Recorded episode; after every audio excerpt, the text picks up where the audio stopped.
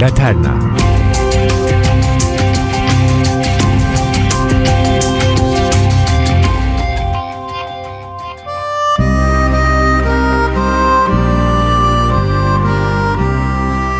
Değerli NTV dinleyicileri ve gezi dostlarım, gidemediğiniz İzlanda'ya önce ruhunuzu götüren Özge Ersu ve Leterne ile İzlanda'nın gizemli coğrafyasında beraberiz. Umarım şehirlerim ve şarkılarım hoşunuza gidiyordur. Eğer bir gün bize katılırsanız, Norveç, İzlanda ve çok beğeneceğinize inandığım Grönland'ın başkenti Nuuk ve çevresindeki gezilerimizde işte tüm bu güzellikleri ayrıntılı olarak gösterebilirim size. Elbette grubumuza katılım her zaman sınırlı sayıda ve görmeyi sevenlerden öte gezmeyi bilenlerle bu özel turları yaptığımı da anımsatayım hemen. Grönland'ı bir başka programa bırakalım. Norveç'i ise hatırlayacaksınız iki programda gezmiştik. Biz tekrar İzlanda'ya geri dönelim. Bu ülkede kadınların baş tacı olduğunu göstermek için iki örnek yetecek. İzlanda üniversitelerinde okuyan öğrencilerin sadece %35'i erkek, %65'i kadın. Tabi bunu başka sebeplere de bağlayabiliriz. Ama ülkenin düştüğü en büyük krizde süreci iyi yönetemeyen başbakanın yerine geçen, deneyimli, herkes tarafından çok sevilen yeni başbakan Johanna Sigurdar Dörtir de 1942 doğumlu sosyal demokrat bir hanımefendi. Ülkenin ilk kadın başbakanı Diğer özelliği de eşcinsel özgürlükleri sonuna kadar savunan biri olması.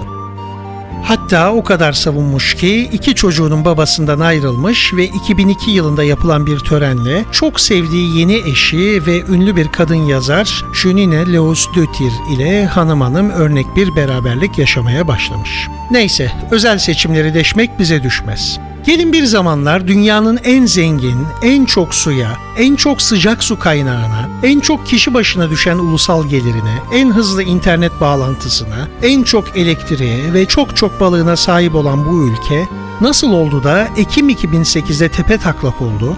Satılık ülke var ilanları ile eBay'e düştü. Bir paragrafta onu inceleyelim. Unutmayın bu bir ekonomi programı da değil, bu nedenle fazla ayrıntıya girmiyoruz. Kısaca belirtmek gerekirse 2003 senesinde 3 İzlanda bankası yani Landsbanki, Kopting ve Glitnir yurt dışından yaklaşık 140 milyar dolarlık spekülatif ortak alım yapıyorlar. 2003 yılına oranla birdenbire tırnak içinde ve kağıt üzerinde 3 kat kadar zenginleşen halk gelişten mutlu, gelecekten umutlu. Ama krizle beraber bankaların aniden oluşan bu durum karşısında paranın karşılıklarını gösterememesi, faizlerin aniden yükselmesi ve ülkenin toplam gelirini 8 kat aşan borç ile karşı karşıya kalması ile önce hükümet istifa ediyor, daha sonra devalüasyon ve panik başlıyor. Norveç, İngiltere bu banka oyunlarında İzlanda'da para kaybeden büyük oyunculardan. Bir ara ülkemizde hatırlarsanız 70 sente muhtaç hale gelmişti ya binaenaleyh bu ülkede neredeyse aynı derecede zor durumda kalıyor. Daha sonra Merkez Bankası statüsündeki kuruluş sadece iç borçları yükleniyor. İzlanda daha yeni yeni gözünü tekrar açmaya başladı bu büyük düşüşten sonra. Tabii resmi para İzlanda kronu değer kaybetmiş, enflasyon ve işsizlik artmış, toplam üretim düşmüş durumda. Birkaç ay önce yaptığım gezilerde neredeyse tüm yeni iş binalarının bomboş beklediğini, inşaatların yarım kaldığını görmüştüm krizin sokağa yansıdığının bir kanıtı olarak. Amaç elbette en kısa zamanda toparlanıp ileriye ümitle bakmak. Uzun süredir boş alanda top çevirdikleri Avrupa Birliği'ne üyelik için hemen 19 Temmuz 2009'da resmi başvuruyu yaptıklarından üyelikte kabul görüyor Önlerinde referandum süreci olsa da en geç 2012'de içeride olmak istiyorlar.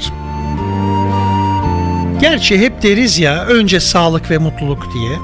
Evet 300 küsür bin İzlandalı'nın hepsine sağlık ve mutluluk dileklerimizi iletelim. Ama bunlar kadar gerekli olan bir diğer olguyu da isterseniz biz Laterne programı olarak sizlerle tüm İzlandalılara armağan edelim. Naftalin kokulu şarkılarımızdan biri daha programımızda. İzlanda için çalıyor ve istiyoruz nakit nakit nakit.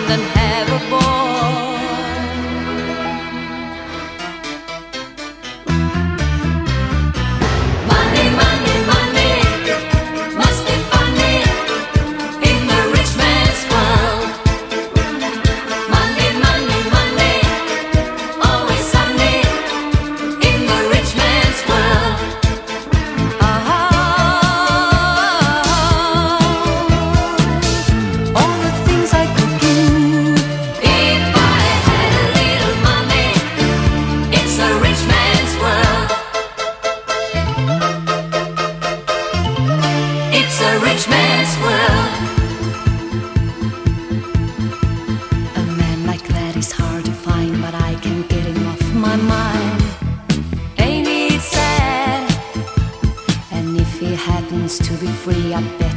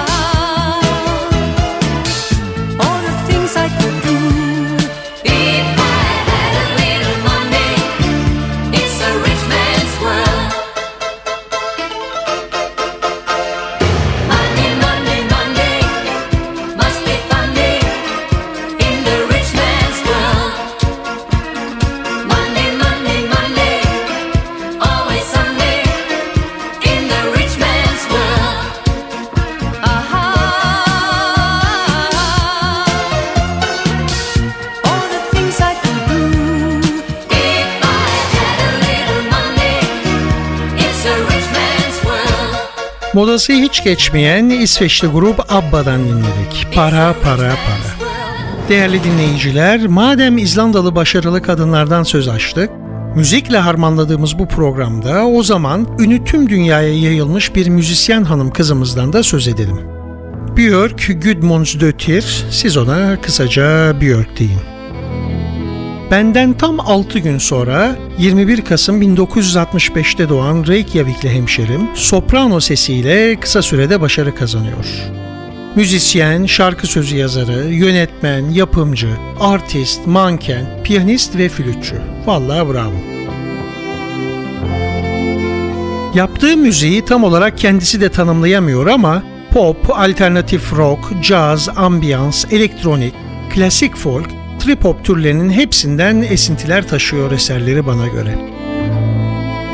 13 Grammy'nin yanı sıra Akademi Ödülleri, 2 Golden Globe, 2000 senesinde Cannes Film Festivali'nde en iyi kadın oyuncu ödülünü de alıyor. VH1'ın en iyi 100 rock and roll sanatçısı listesinde de 36. sırada. Babası da ünlü bir sendikacı olan Björk, 2004 yılında tsunami'den zarar görenler için ünlülerden beste toplayıp gelirini Endonezya'daki çocuklara verdiği bir albüm yapıyor ve 2005 yılındaki Live Aid konserlerine katılıyor. Geçen senelerde ülkesinde açılması düşünülen yeni alüminyum fabrikalarına karşı da bazı gösteriler düzenliyordu ama son krizden sonra artan işsizlikle kararı bence değişmiştir büyük bir olasılıkla. Belki 1996'da sanatçıyı öldürmek için içine asit fışkırtan bir mekanizma yerleştirdiği paketi gönderen, sonrasında da kendisini Björk için ya da Björk yüzünden tabanca ile vurup öldürürken videoya alan Ricardo Lopez'i de anımsayanlar vardır aranızda. Her neyse, sevgili NTV dostları ve gezi severler. Özge Ersu ile Laterna güzel melodilerden ve hoş konulardan söz etmeyi sever, o yüzden biraz önceki paragrafı unutun. Biz sanatçının kendi sesinden ülkesine de çok yaraşan Ne Kadar da Sessiz adlı parçayı dinleyelim. Listelerde hemen üst sıralara tırmanan bu şarkı video klibiyle de çok beğeniliyor. Aslında şimdi dinleyeceğiniz ezgi 2007 yılında kaybettiğimiz Amerikalı sanatçı Betty Harron'ın Blow a Fuse adlı şarkısının cover sürümü. İzlandalı Björk ve It's Oh So Quiet.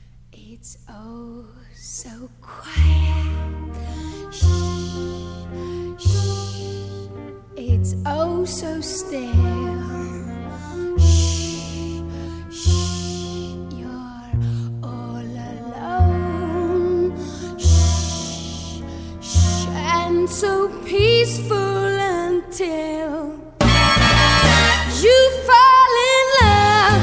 Simple, the sky up above. Simple is caving in. Wow!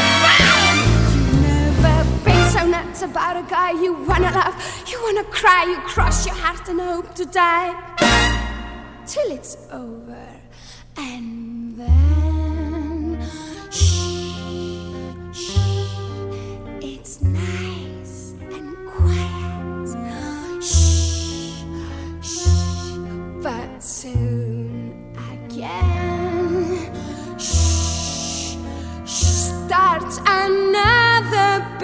riot.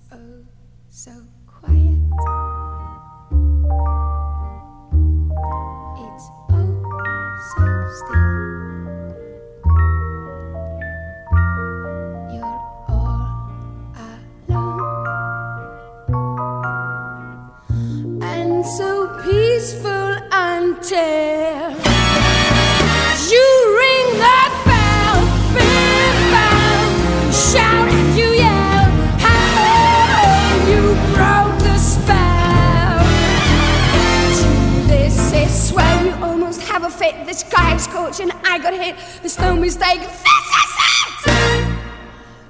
Evet, Björn'ün bu sessiz ülkesini bu son ekonomik kriz biraz sarsmış olsa da kış aylarında güneşin sadece birkaç saat göründüğü karamsar günlerde intihar yüzdeleri biraz artsa da İzlandalıların kendilerini dünyanın en mutlu insanları arasında gördüklerini söyleyelim. Düşünsenize ordu yok, kara, deniz, hava kuvvetleri yok. Sadece sahil koruma var. Ülkeyi Keflavik'teki bir Amerikan üssü koruyor diyecektim ki aklıma geldi Du.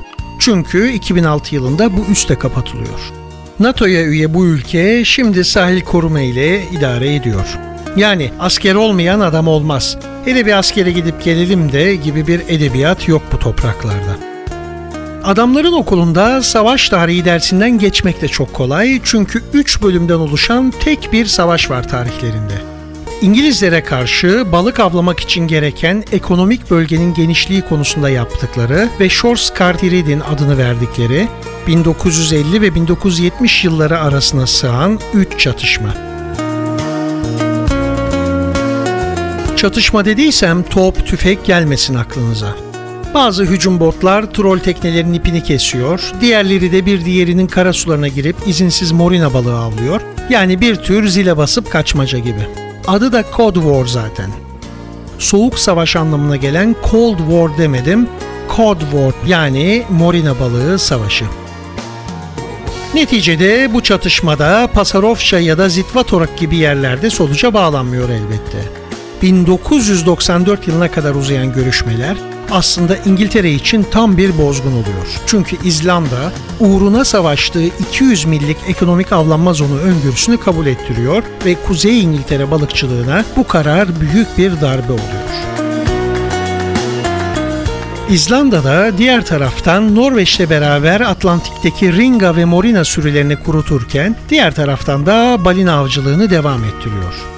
Daha doğrusu herkesin 1985 yılında imza koyduğu moratoriumu 2006 yılında delerek balina avının perdesini tekrar açıyor, üstelik zıpkınla.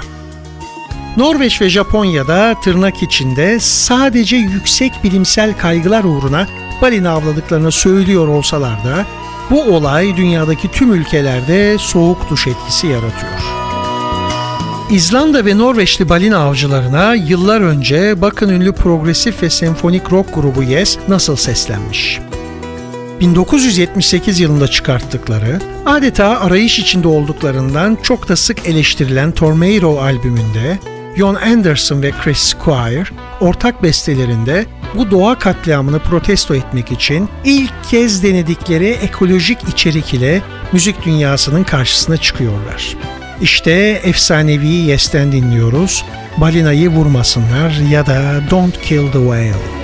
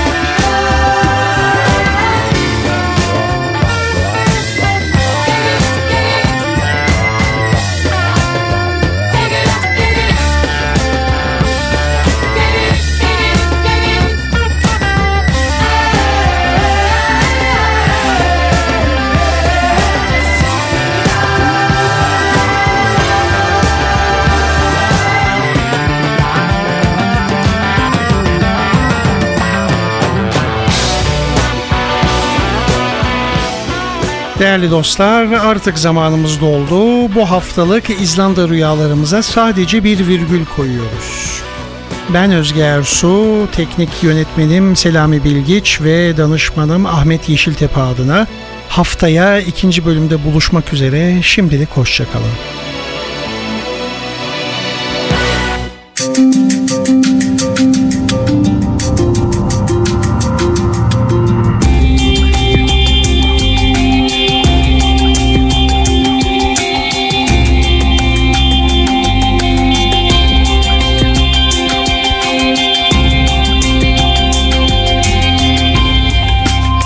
Laterna. Hazırlayan ve sunan Özge Ersu